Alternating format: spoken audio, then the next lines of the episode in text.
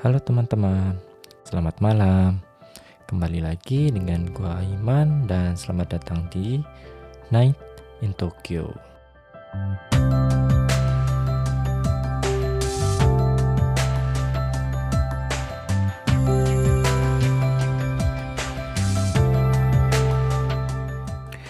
Halo teman-teman, kembali lagi dengan gua Iman di Night in Tokyo.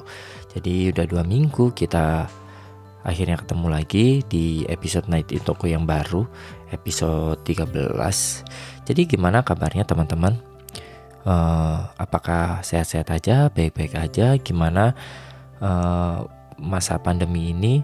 Apakah Indonesia masih sama-sama aja atau lebih baik? Yang jelas di Jepang sendiri itu state of emergency-nya udah dicabut, teman-teman. Jadi di Tokyo dan sekitarnya, ya di seluruh Jepang sih lebih tepatnya, kayak state emergency-nya udah dicabut, terus perlahan-lahan uh, aktivitas kembali normal, meskipun nggak nggak sepenuhnya sama. Jadi kayak masih pakai masker, masih kayak ada social distancing, cuman kayak department store, toko-toko udah mulai buka lagi. Terus bioskop juga udah mulai buka lagi. Uh, beberapa kantor akhirnya udah mulai masuk lagi dalam artian uh, balik ke kantor, jadi kerja di kantor. Terus kalau gua sendiri juga uh, belum ada kabar ya, jadi kayak masih kerja di rumah. Mungkin beberapa bulan ke depan atau beberapa minggu ke depan dilihat nanti kondisinya gimana yang jelas masih kerja di rumah kalaupun nanti akhirnya balik ke kantor ya balik ke kantor. Ya ditunggu aja teman-teman. Mungkin ketika udah mulai kerja bakal banyak cerita-cerita lagi yang bisa gue ceritain gue sampaikan gue share juga ke teman-teman. Biar ya begitulah. Kalau saat-saat kayak gini meskipun di rumah terus ya ujung-ujungnya kayak bosen juga gitu loh kayak nggak ada obrolan juga segala macem. Terus teman-teman uh, untuk episode 13 episode kali ini uh, gua sendiri pengen bahas tentang uh, image sebenarnya. Image Jepang yang kalian tahu itu kayak uh, orang Jepang tuh punya ini ya punya masalah dengan bunuh diri masalahnya negara Jepang itu banyak ya apa sih namanya? Uh, kasus bunuh dirinya. Nah di situ gue akan pengen bahas lebih lanjut teman-teman. Kayak benar nggak sih Jepang itu seperti ini? Uh, emang separah itu kah kasus bunuh diri di Jepang gitu? Kenapa Jepang itu kok bisa terkenal sih dengan kasus-kasus kayak gitu gitu? Terus uh, gua sendiri nggak ah, gue gue juga bukan expert ya teman-teman. Gue juga bukan orang yang ngerti dengan psikologi dan segala macam gitu. Jadi gue juga pengen membahas tentang faktanya di sini di Jepang. Dan uh, menurut gue itu kenapa sih kayak gini? Ya itu sekedar apa sih namanya opini gua aja. Jadi kayak nanti kalau kita mungkin teman-teman sendiri yang punya pendapat atau punya pengalaman menarik bisa dibagi juga ke email atau Instagram bebas. Yang jelas uh, eh, gue pengen menginformasikan men-share kepada teman-teman sekalian bahwa uh, bunuh diri itu kayak gini loh di Jepang kenyataannya kayak gini loh gitu loh jadi orang Jepang tuh kayak gini loh kayak gitu. Jadi ya gue nggak membahas tentang psikologi bunuh dirinya itu sendiri. Karena itu juga bu bukan ranah gue jadi kalau kalian berpikir gue akan membahas tentang bunuh diri nggak juga sih sebenarnya. Lebih tepatnya tentang uh, negara Jepang dan kasus bunuh diri itu teman-teman. Terus kenapa gue pengen apa sih namanya ngebahas kasus kasus ini teman-teman? Jadi uh, mungkin bagi teman-teman yang sering ngunjungin blog night in blog Night in Cafe eh, Night in Tokyo maksudnya Night in Tokyo di www.nightintokyo.com di situ gua uh, postingan blog terakhir itu gua cerita tentang uh, salah satu nggak artis sih kayak selebriti pegulat profesional gitu namanya Hana Kimura dia adalah salah satu member dari Terrace House. Jadi Terrace House itu kayak reality show orang Jepang. Eh maksudnya reality show Jepang. Jadi produksi Jepang Netflix kerjasama dengan Netflix. Jadi kayak ada tiga orang cowok dan tiga orang cewek tinggal dalam uh, rumah barengan gitu ya tinggal bareng dalam satu rumah kayak gitu. Dan ya udah mereka mendokumentasikan kayak kehidupannya gimana dan segala macam terus beberapa minggu lalu ada berita yang kurang nggak enakan sih sebenarnya. Jadi salah satu dari member Terasa itu yaitu Hanaki Mura itu uh, diberitakan telah mm, meninggal dunia teman-teman. Jadi dia commit suicide atau dia bunuh diri yang diindikasikan karena cyberbullying. Jadi kayak dia di bash gitu kayak ya tau lah di bash sama netizen. Jadi dengar-dengar waktu itu tuh memang di beberapa episode sebelumnya mungkin yang di mana dia itu kayak marah marah-marah. Kayak dia lose control gitulah emosi banget dengan salah satu membernya di Teras House. Karena membernya itu ya ya kalian tahu sih sebenarnya.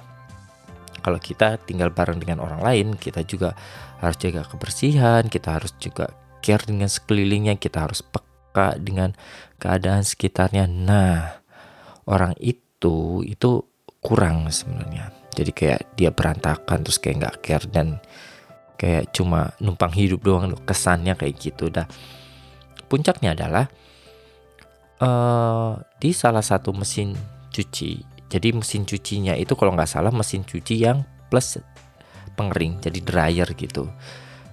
Nah, rupanya si orang itu yang si Hanako marah itu orang itu itu memakai mesin cuci itu tanpa ngecek dulu sebenarnya teman-teman bahwa sebenarnya di dalam mesin cuci itu ada baju Hana Kimura yang ketinggalan. Jadi kayak dia nggak ngecek dulu, udah main masukin, dicuci, plus langsung ke masuk ke dryer gitu teman-teman. Jadi ada memang mesin cuci yang kayak gitu terus kebetulan yang kena cuci dan kena keringin itu yang dikeringin itu adalah salah satu kostum gulatnya Hanakimura teman-teman.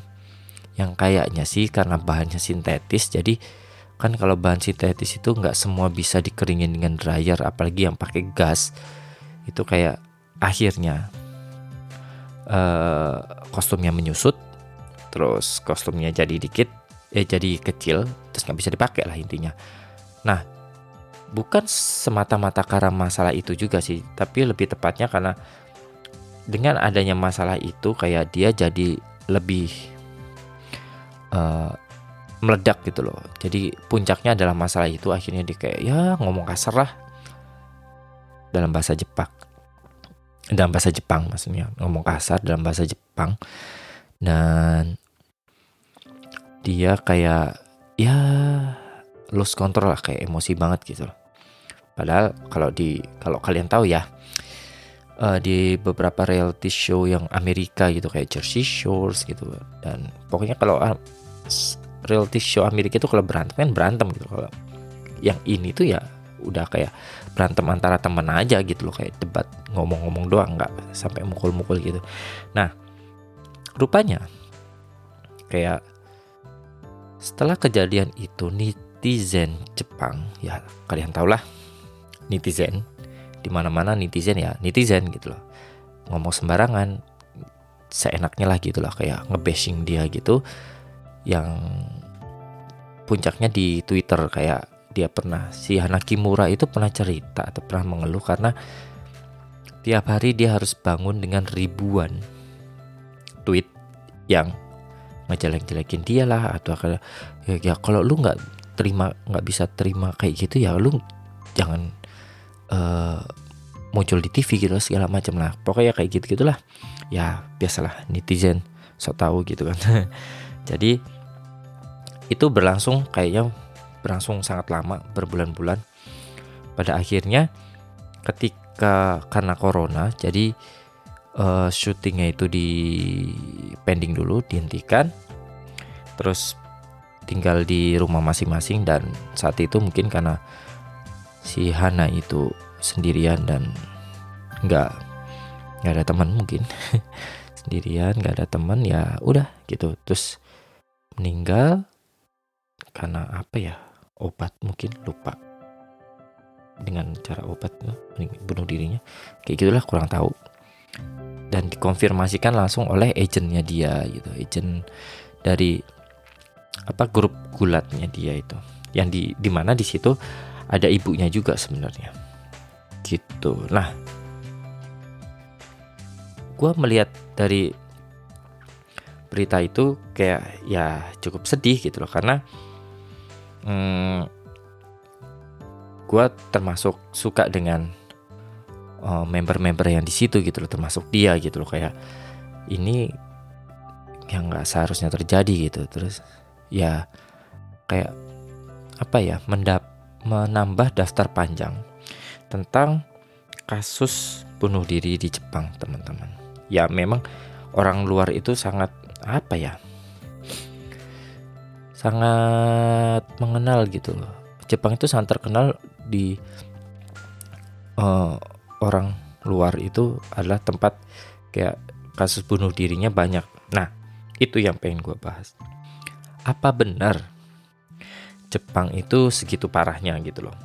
Nah, gue pengen bahas lah sebagai gue orang yang pernah tinggal, eh, yang sedang tinggal di sini. Kayak uh, kalau kita merujuk ada dari salah satu website salah satu website sorry teman-teman gue agak pilek jadi ya maafkan jadi dari salah satu website di kalau kalian bisa cek di world population. Di situ kayak ada kayak suicide rate by country 2020 jadi di situ kita bisa tahu uh, negara mana aja yang punya kasus bunuh diri gitu. Dan rupanya Jepang bukan negara tertinggi suicide rate-nya teman-teman. Bukan Jepang yang uh, paling banyak kasus bunuh dirinya sebenarnya. Ini kayak sebenarnya uh, Jepang itu 2020 masuk pada urutan 14 ya enggak. enggak sedikit juga gitu loh. Tapi bukan nomor satu juga. Bahkan Rusia dan South Korea itu lebih banyak masuk top 5 Jepang itu masuk 14 kan 14 lalu dengan fakta kayak gitu Jepang itu nggak nggak di masih banyak negara yang lebih parah gitu loh daripada Jepang tapi kenapa Jepang itu kok sangat terkenal gitu loh dengan uh, kasus bunuh diri gitu loh kayaknya uh, suicide atau bunuh diri itu udah sangat melekat di, dengan negara Jepang gitu. Kenapa gitu loh? Uh, kenapa negara ini tuh sangat terkenal sih dengan uh, kasus bunuh dirinya? Terus uh, kalau kita bisa uh, kalau kita melihat sejarah sih sebenarnya teman-teman pada zaman samurai ya pokoknya pada zaman yang masih orang castle gitu loh masih di kastil dan masih zaman hmm, apa sih namanya kerajaan yang kerajaannya banyak ya sama kayak Indonesia kan dulu kerajaannya banyak. Nah Jepang itu dulu castle-nya juga banyak gitu loh kerajaannya banyak. Nah zaman samurai itu emang hal bunuh diri itu itu memang udah sangat terkenal teman-teman. Jadi kalau di zaman samurai itu namanya adalah seppuku uh, yang kalau di breakdown kanjinya itu adalah kanji memotong dan kanji perut. Jadi biasanya ya, biasanya orang luar atau non Japanese itu lebih kenal dengan uh, harakiri. Jadi hara itu perut, kiri itu kan potong kan. Seppuku itu kayak dua kanji harakiri itu dibalik. Jadi ya intinya hmm, uh, artinya sama. Jadi lebih kayak ya dibilang bunuh di, ya bunuh karena memang membunuh dirinya sendiri sih itu pak. Namanya nggak bunuh diri kayak dengan cara memotong uh, perutnya itu. Itu di zaman samurai gitu. Kenapa? Uh, jadi kalau di zaman samurai itu teman-teman seorang samurai uh, yang memang kedapatan atau telah melakukan sesuatu kesalahan yang fatal atau yang cukup memalukan karena untuk menjaga pride-nya dia ya dia lebih baik bunuh diri daripada menghancurkan nama baiknya sendiri. Gitu. Nah kalau kalian pernah nonton film samurai jadi samurai kan selalu bawa pedang katananya itu. Nah biasanya dia saat ada lagi bawa pedang kecil yang itu biasanya buat memotong apa dan salah satunya buat motong perutnya sendiri. Uh, ninja juga kayak gitu sih sebenarnya karena kalau ninja itu kan lebih lebih diam-diam dia kayak mata-mata sih sebenarnya ninja itu. Jadi ninja itu bukan warrior sebenarnya. Ninja itu kayak mata-mata dia kayak orang yang spy ya mata-mata gitu loh. Nah kata uh, biasanya kalau ninja itu ketahuan kan identitas dia itu sangat uh, sensitif. Jadi kalau ninja itu ketahuan biasanya antara dia langsung potong perutnya sendiri atau dia udah nyiapin pil di dalam mulutnya. Jadi kalau ketahuan dia langsung minum dan dia mati gitu. Karena ninja itu lebih baik mati daripada dia ketangkep. Terus itu di zaman samurai. Nah, waktu zaman perang dunia kedua pun kalian juga pasti tahu kan dengan istilah kamikaze gitu.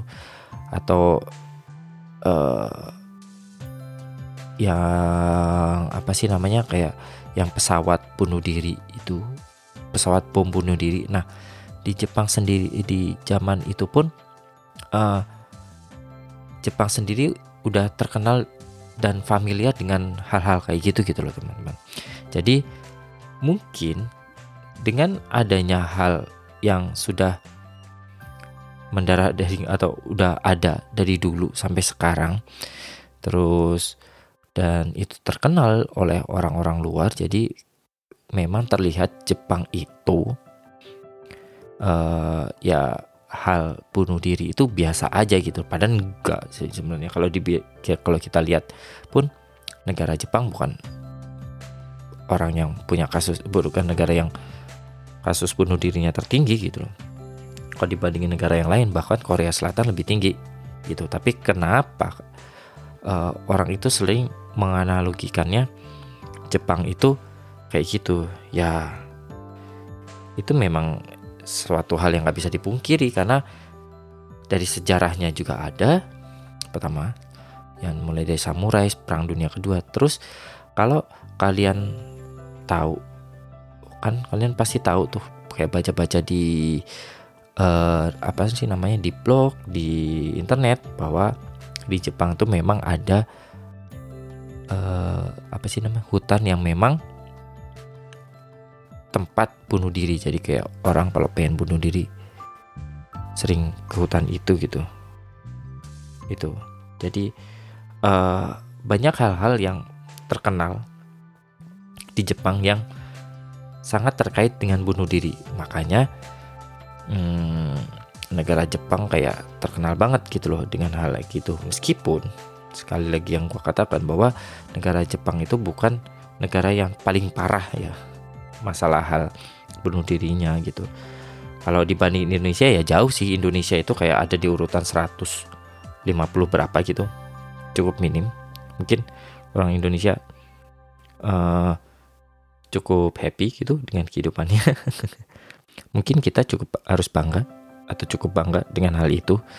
Kalau dibandingin Jepang. uh, ya kita kasus bunuh dirinya tuh nggak nggak nggak segitu banyak gitu loh. Ya faktornya apa juga nggak tahu. Mungkin setelah gua bahas ini kalian bisa share gitu kira-kira kenapa sih Jepang cukup tinggi meskipun nggak paling tinggi. Terus yang jelas selama gua tinggal di Jepang ini 4 tahun ya.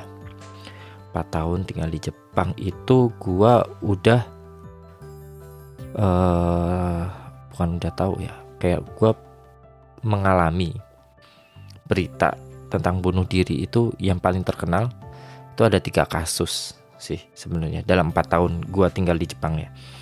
Jadi yang pertama itu itu lumayan serem banget sih teman-teman jadi perjalanan dari stasiun ke sekolah bahasa gua itu ada suatu hari pokoknya pagi-pagi waktu gua berangkat ke sekolah itu ada satu polis lain di depan gedung.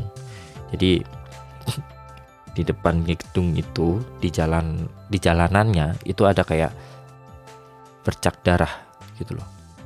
Kayak apa darah yang berhamburan. Dan gila itu ngeri banget sih menurut gue.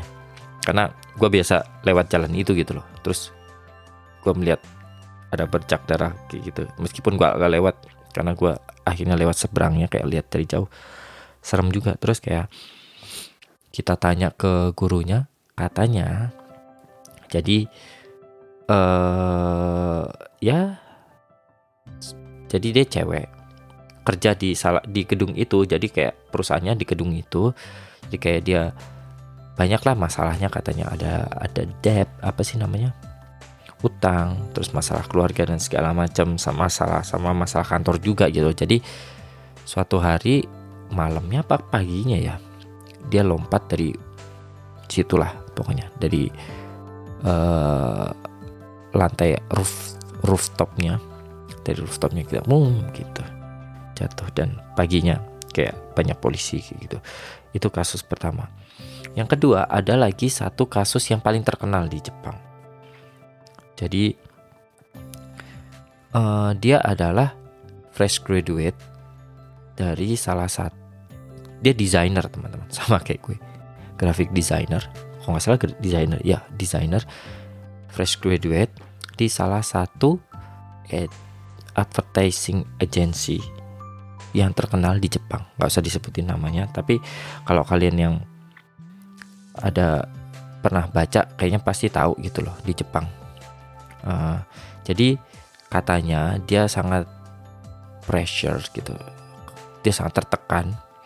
Karena nggak pulang apa segala macam, terus kayak banyak kerjaan dan segala macam, terus mungkin juga atasan atau apanya ya gitu loh menekan dia, akhirnya dia uh, ya gitu bunuh diri itu teman-teman. Terus satu lagi adalah ya itu yang tahun ini yang selebriti itu yang uh, pegulat juga yang tadi gue ceritain itu Hanakimura kalau yang ini kan kasusnya gara-gara cyberbullying gitu kayak ya gara-gara hinaan netizen lah pokoknya. Nah dari empat tahun itu ada tiga kasus terkenal bunuh diri yang terkenal di Jepang. Selama gue tinggal di di Jepang itu 4 tahun. Kalau dihitung nih bareng yang orang yang kayak menabrakkan diri ke kereta gitu gitu itu udah nggak kehitung sih sebenarnya teman-teman. Itu udah kayak ya ada aja kayak orang uh, apa sih namanya lompat ke kereta gitu. Kenapa gitu? Kalau kalau kalian tahu itu sebenarnya banyak alasan kenapa uh, kereta itu jadi tempat favorit orang Jepang buat bunuh diri. Pertama, asal kalian tahu, ketika kalian bunuh diri di kereta, jalur kereta, terus ketabrak kereta, itu kan kayak harus bersihin apa segala macam. Pokoknya perusahaan kereta itu mengalami kerugian yang besar ketika ada orang melakukan hal itu. Nah, orang yang bunuh diri di uh, jalur kereta itu keluarganya sangat apa sangat bisa dituntut oleh perusahaan kereta supaya membayar denda dan dendanya itu nggak gede eh nggak nggak kecil teman-teman. Dendanya itu gede. Jadi misalkan saudara lu bunuh diri di uh, apa jalur kereta nah keluarga lu itu bisa dituntut oleh perusahaan kereta supaya membayar untuk membayar denda itu gara-gara dia. Kadang-kadang gue pernah dengar kadang-kadang untuk karena dia punya dendam sama keluarganya dia sengaja gitu bunuh diri di kereta. Dan supaya uh, keluarganya bayar denda gitu. Ya itu katanya sih katanya. Terus mungkin karena kereta itu kayak gitu cepet gitu. Ya kalau lompat dari gedung sih kayaknya wah kayak ada ada ada hang time-nya gitu loh. Kalau di kereta kayak puff gitu. Dan itu kan kencang banget teman-teman kereta. Mungkin salah satu itu juga uh, apa? Kenapa orang Jepang itu sangat favorit sangat suka uh, bunuh diri di lompat ke jalur kereta. Meskipun itu bukan hal yang baik ya. Sekali lagi teman-teman itu bukan hal yang baik tapi ya itu hanya sekedar informasi aja gitu. Buat sekedar informasi juga gitu loh teman-teman. Gue suatu hari pernah dikasih tahu sama apa guru gue guru bahasa gue waktu itu kalian mau nggak baito baito itu kayak part time job yang gajinya lumayan? Kayak lu sekali datang bisa sampai tiga mang gitu tiga mang itu tiga puluh ribu 30 ribu itu sekitar 4 sampai 5 juta sekali datang. Terus kayak uh, emang kerjanya apa? Sensei terus kita pada tangannya. Pekerjaannya adalah lu menjadi orang yang bersihin kalau ada bunuh diri di jalur kereta. Bayangin. Oh, karena nggak banyak orang yang mau melakukan kayak gitu. Makanya orang yang mau itu dibayar gede. Gue sih gak kuat teman-teman. Gue nggak nggak bisa lihat darah jadi gue nggak mungkin lah kuat buat melakukan hal itu. Gitu. Nah kita tadi udah e, membahas dari sisi sejarah gitu loh. Kenapa Jepang itu sangat terkenal dengan kasus bunuh diri terus sekarang gue pengen uh, mungkin kalian sendiri juga bertanya-tanya gitu loh kenapa sih orang Jepang itu uh, bukan orang Jepang ya maksudnya di Jepang itu kasus bunuh dirinya tuh termasuk tinggi gitu loh. Meskipun nggak paling tinggi tapi ya dibandingin Indonesia tuh jauh banget gitu. Kenapa uh, sangat tinggi gitu loh. Ini pure uh, sebenarnya ini gue gue nggak tahu alasan validnya tuh gimana? Maksudnya eh, apa? Kenyataannya tuh gimana? Kalau kenapa sih orang Jepang itu banyak yang bunuh diri? Kalau menurut gua dan uh, pengalaman gua tinggal di Jepang dan ngobrol dengan orang Jepang dan uh, mengetahui sistem kerja mengetahui sosial masyarakat di Jepang itu kayak gimana. Ini biar pendapat gue uh, kemungkinan itu kayak faktor yang membuat banyak yang bunuh diri di Jepang itu gue bagi ada empat poin teman-teman. Pertama pertama adalah uh, orang Jepang itu punya pride yang cukup tinggi teman-teman jadi uh, dia itu ya punya harga diri yang sangat tinggi gitu loh. Seperti yang kita lihat waktu zaman apa sih namanya uh, samurai gitu kalau kita melakukan sesuatu yang memalukan atau melakukan kesalahan yang fatal gitu kan ya lebih baik gue mati daripada harga diri gua tuh terinjak gitu loh. Nah ditambah orang Jepang itu sangat kompetitif. Sangat kompetitif. Jadi sangat sangat ya sangat ambisius lah.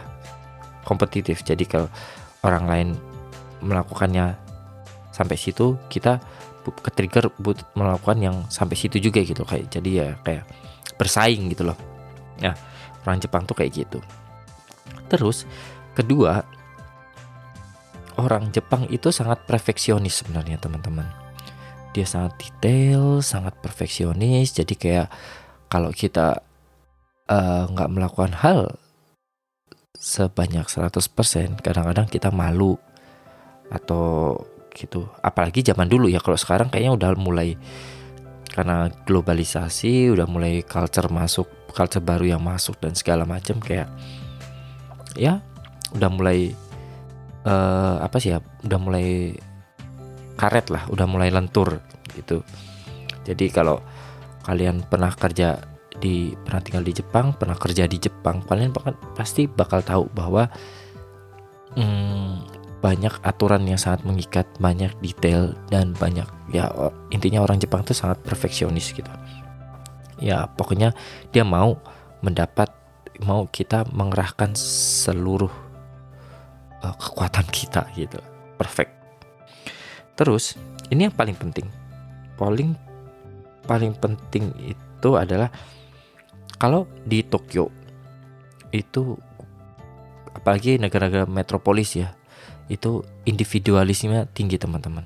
Jadi kalau kita lihat gitu loh di Tokyo itu ya semua sibuk dengan dirinya sendiri gitu loh gak ada yang pedulikan yang lain kanan kiri kecuali dia minta bantuan ya itu beda beda cerita kalau kita minta bantuan bisa dibantu tapi intinya kayak mereka punya bubble-nya sendiri, dia punya kehidupannya sendiri. Kadangkala di Jepang, bukan di Jepang, di Tokyo itu ketika kita uh, apa sih namanya? selek apa selek gitu. Punya punya masalah lah dengan orang lain. Kayak ya antara dipendem atau ya gitulah ditahan gitu. Karena uh, pribadinya sangat individualis kayak ya urusan lu urusan lu urusan gue urusan gue. Just kayak sosialnya kurang kayak banyak uh, orang yang benar-benar itu hidup sendiri nggak punya teman atau uh, sibuk dengan halnya sendiri. Meskipun nggak semua orang kayak gitu. Ya itu kan hanya ada beberapa orang yang kayak gitu. Tapi dibandingin mungkin dibandingin orang Indonesia dibandingin di Indonesia di Jepang itu hal kayak gitunya itu lebih banyak gitu loh. Jadi itu. Terus poin keempat ini nggak jauh uh, nggak kalah penting adalah yang perlu kalian tahu teman-teman kehidupan kehidupan bermasyarakat di Jepang kehidupan bersosial di Jepang itu sangat menekan. Dan ya mungkin kalau kita lihat dari poin-poin yang di atas itu akan mendorong ke arah uh, kehidupan bermasyarakat yang seperti itu gitu loh.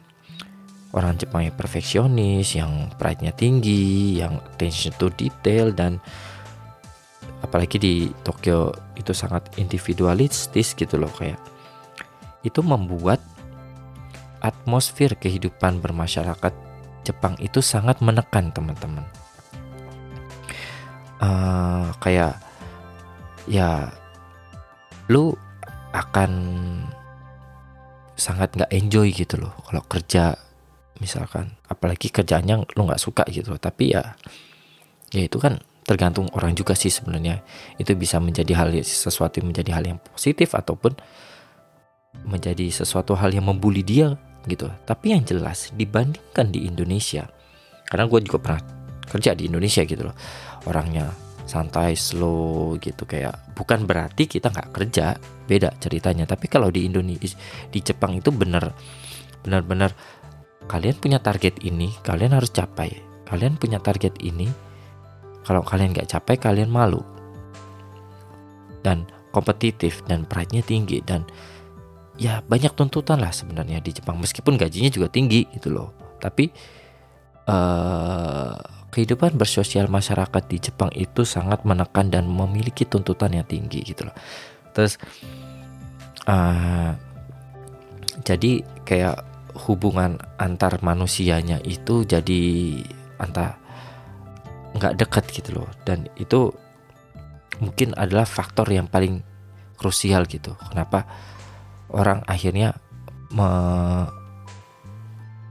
memakai jalan pintas buat bunuh diri? Karena mungkin udah sangat menekan ke, ke keluarga salah ke teman-teman apa kantor juga salah. Terus mungkin saja dia juga nggak punya teman terus dia nggak punya tempat tempat buat bercurhat atau tempat buat berbagi ya ujungnya ya udah kayak dia mengakhiri aja kayak gitu. Uh, dengan kehidupan yang sangat menekan ini teman-teman kalian perlu tahu bahwa uh, seberapa menekannya kehidupan di Jepang itu sampai ada menciptakan berbagai bisnis baru yang ada cuma di Jepang teman-teman. Perlu kalian tahu gitu loh kalau di Indonesia kan kayak Gojek gitu kan mungkin karena Indonesia yang banyak motor kayak gitu terus membuat apa memunculkan bisnis baru kayak Gojek gitu. Nah di Jepang karena nggak ada motor kan nggak mungkin. Nah bisnis kayak gitu tuh ada juga di Jepang gitu loh. Bisnis yang cuma ada di Jepang gitu loh. Dan mungkin kalau diaplikasikan atau kita buat di luar negeri di Indonesia gitu kayak nggak penting gitu tapi di Jepang ini penting. Gue pernah tahu ada satu bisnis uh, ada satu perusahaan bisnis perusahaan itu namanya exit. Jadi keluar. Kalian tahu teman-teman? Itu bisnis tentang apa? Yap.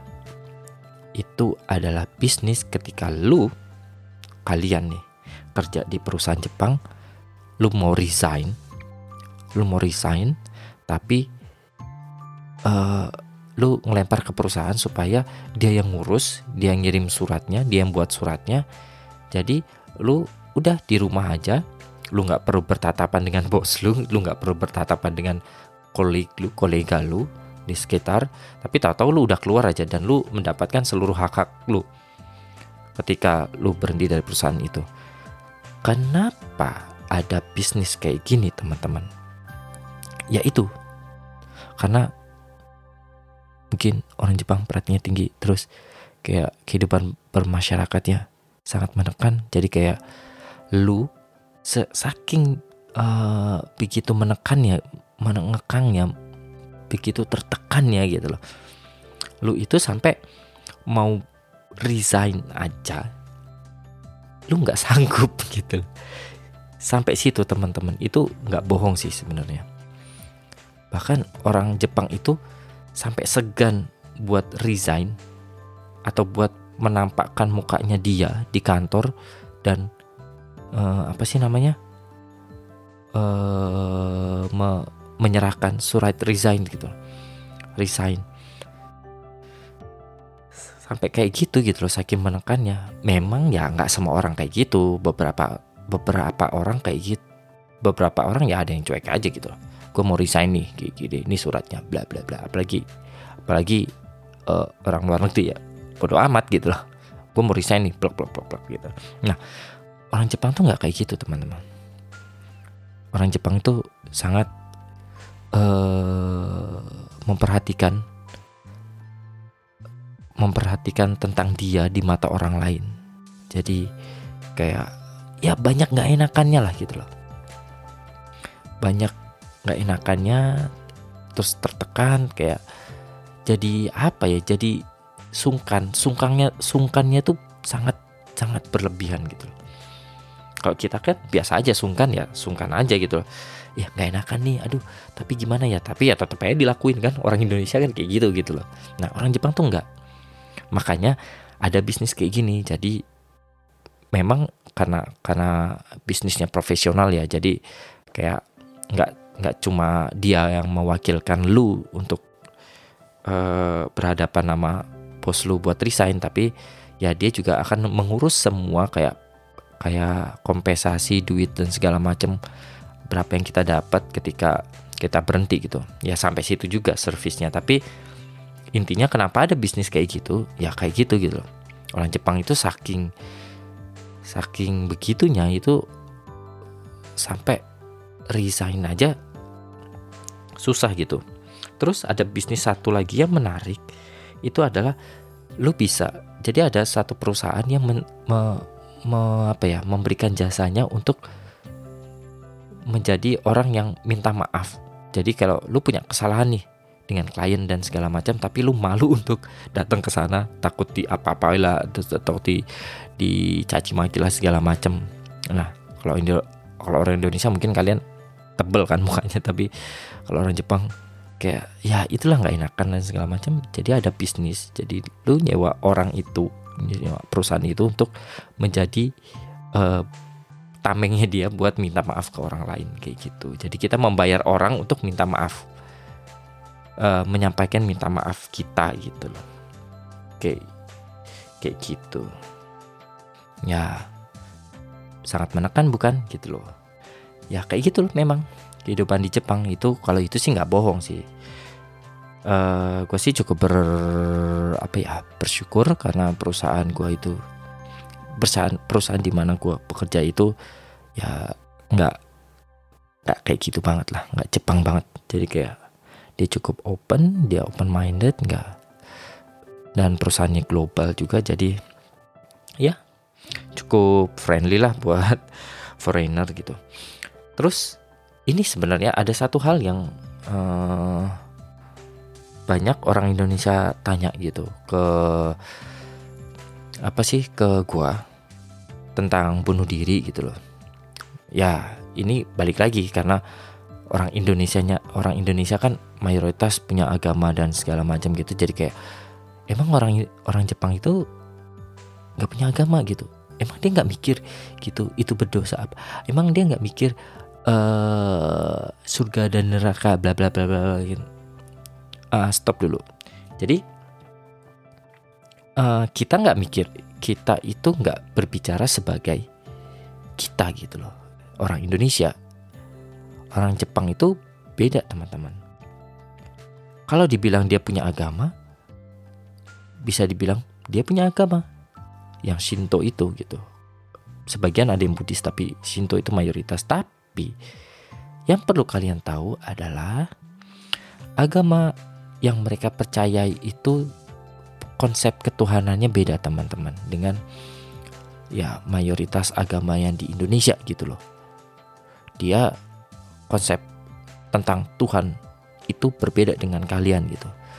Tuhan yang mereka itu alam gitu loh. Banyak Tuhannya dan itu Tuhan tuh alam.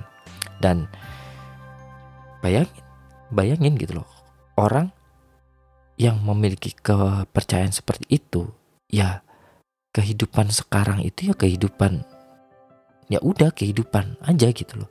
Ketika dia mengakhiri kehidupan, dia yakin akan ada kehidupan yang lain gitu loh. Jadi di situlah ada gapnya gitu loh. Itulah yang membedakan dia, mereka dan orang Indonesia gitu. Gue bukan bicara bahwa agama ini benar atau agama ini salah atau keyakinan ini benar atau keyakinan itu salah. Enggak. Uh, yang perlu kalian tahu adalah kita kadang nggak bisa memaksakan uh, apa yang kita yakini, kita percayai itu akan memiliki uh, respon yang sama ketika kita pergi ke Jepang misalkan kita ketika kita pergi ke luar negeri yang bukan di Indonesia gitu loh. Ketika kalian akan datang ke Jepang, kalian akan tahu bahwa oh seperti itu ya. Uh, oh seperti itu rupanya jalan pikir orang Jepang gitu loh. Jadi ya ya itu pertanyaan itu nggak nggak berlaku juga sebenarnya buat orang Jepang karena orang Jepang itu memiliki jalan pikir yang berbeda teman-teman dengan kita. Dengan konsep keagamaannya mereka juga itu juga berbeda dengan kita. Jadi ya nggak bisa disalahkan gitu loh. Gitu loh. Itu bukan karena masalah agama juga menurut gue gitu loh. Dan bisa kalian bayangkan gitu loh.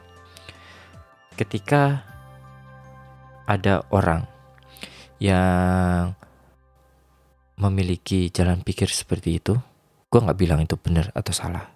Itu ya jalan pikirnya mereka. Mereka lahir dan hidup dan dididik untuk uh, menjadi seperti itu. Menjadi seperti itu dia memiliki keyakinan seperti itu nggak salah menurut gue. Itu bayangkan ketika ada orang yang memiliki keyakinan seperti itu jalan pikir kayak gitu terus hidup dalam sebuah kehidupan bermasyarakat yang sangat menekan gitu loh di Jepang. Dan uh, terus lo mungkin kesepian gak ada teman terus lo nggak tahu lo harus uh, curhat ke siapa berbagi ke siapa. Apalagi orang-orang tua gitu loh kayak partnernya udah meninggal terus dia gak punya seseorang yang dia deket dan dia merasa dia udah useless. Ya bagi orang Jepang kehidupan sekarang ya cuma kehidupan gitu loh. Uh, ya ketika dia mengakhiri kehidupan sekarang ya mungkin ada kehidupan yang lain nantinya. Ya kayak gitu teman-teman. Jadi konsep tentang yang kalian pikirkan dalam agama kalian di Indonesia itu itu nggak nggak bisa nggak bisa jadi dasar sih sebenarnya buat orang Jepang. Karena orang Jepang jalan berpikirnya beda gitu loh. Nah meskipun itu sebenarnya faktor kecil sih lebih tepatnya. Yang menurut gua itu faktor yang paling besar adalah uh, kehidupan bermasyarakat di Jepang sih. Itu memang sangat menekan gitu loh. Apalagi orang Jepang yang sangat-sangat textbook sangat textbook stick to the rules gitu. Jadi kalau kalau uh, jalan buntu kayak mereka bingung gitu loh. Misalkan mereka tuh uh, kayak mungkin karena diajarinnya tuh seperti itu itu itu itu itu, itu ya jadi kayak uh, kalau buntu ya dia bingung gitu loh. Buntu terus nggak ada jalan lain ya udah gitu loh kayak gitu. Nah kalau kayak kita kita Indonesia yang nggak ada rules. Di Indonesia orangnya barbar. Terus Indonesia kayak hutan gitu loh. Liar. Ya lu apa jalan buntu ya lu dobrak gitu loh. Lu cari jalan lain apa segala macam. Nah yang kayak gitulah yang membedakan sih sebenarnya. Di uh, sosial bermasyarakat di Jepang mana yang lebih baik ya nggak ada yang lebih baik sih. Dua-duanya ada plus dan minus gitu. Tapi memang di Jepang ya akan jauh lebih disiplin gitu. Tapi ya itulah Jepang gitu loh. Cara mereka hidup ya seperti itu gitu. Uh, dia stick to the rules gitu loh. Kayak ya ada ada yang pernah bilang ke gue itu kayak mereka kayak robot dan segala macam. Ya nggak ya beberapa orang kayak gitu. Tapi ya mungkin karena uh, sistem kehidupan itu tuh udah terbentuk sedemikian rupa dari dulu zaman samurai sampai sekarang gitu loh kayak nggak berubah ya seperti itu teman-teman gitu loh. Jadi hmm, faktor itulah yang kayaknya menurut gua uh, yang membuat Jepang itu memiliki kasus apa sih namanya kasus bunuh diri yang banyak gitu loh di Jepang ditambah lagi dilihat dari sejarah dan segala macam hal tentang action bunuh diri itu ada di, di sejarah Jepang gitu. Jadi uh, hal itu mungkinlah yang mendorong bahwa orang Jepang itu mungkin gak bakal regret gitu loh ketika dia bunuh diri gitu. Mungkin seperti itu. Ya nggak semua orang kayak gitu sih, tapi ya itu hanya asumsi gue doang gitu oke terus balik lagi teman-teman kalau ke masalah yang Hanaki Murai satu itu kan ini mungkin ada lebih uh, apa ya ini adalah hal yang lagi marak sebenarnya. Nggak cuma di Jepang di Indonesia juga tentang cyberbullying dan segala macam gitu loh. Uh, gua sih cuma pengen berpesan teman-teman bahwa apa yang kita katakan gitu loh ke orang lain itu kan kita nggak tahu gitu loh dia menanggapinya seperti apa gitu contohnya kayak anak Kimura gitu loh dia ketika banyak orang yang bilang kayak gitu ke dia itu membuat dia depresi gitu. Meskipun ya kalau kalau kalian lihat di apa sih namanya di Instagram yang kayak banyak uh, dukungan gitu. Gue dukung lu anak Kimura dari orang bule-bule misalnya orang luar negeri lah biasanya rata-rata kayak gitu.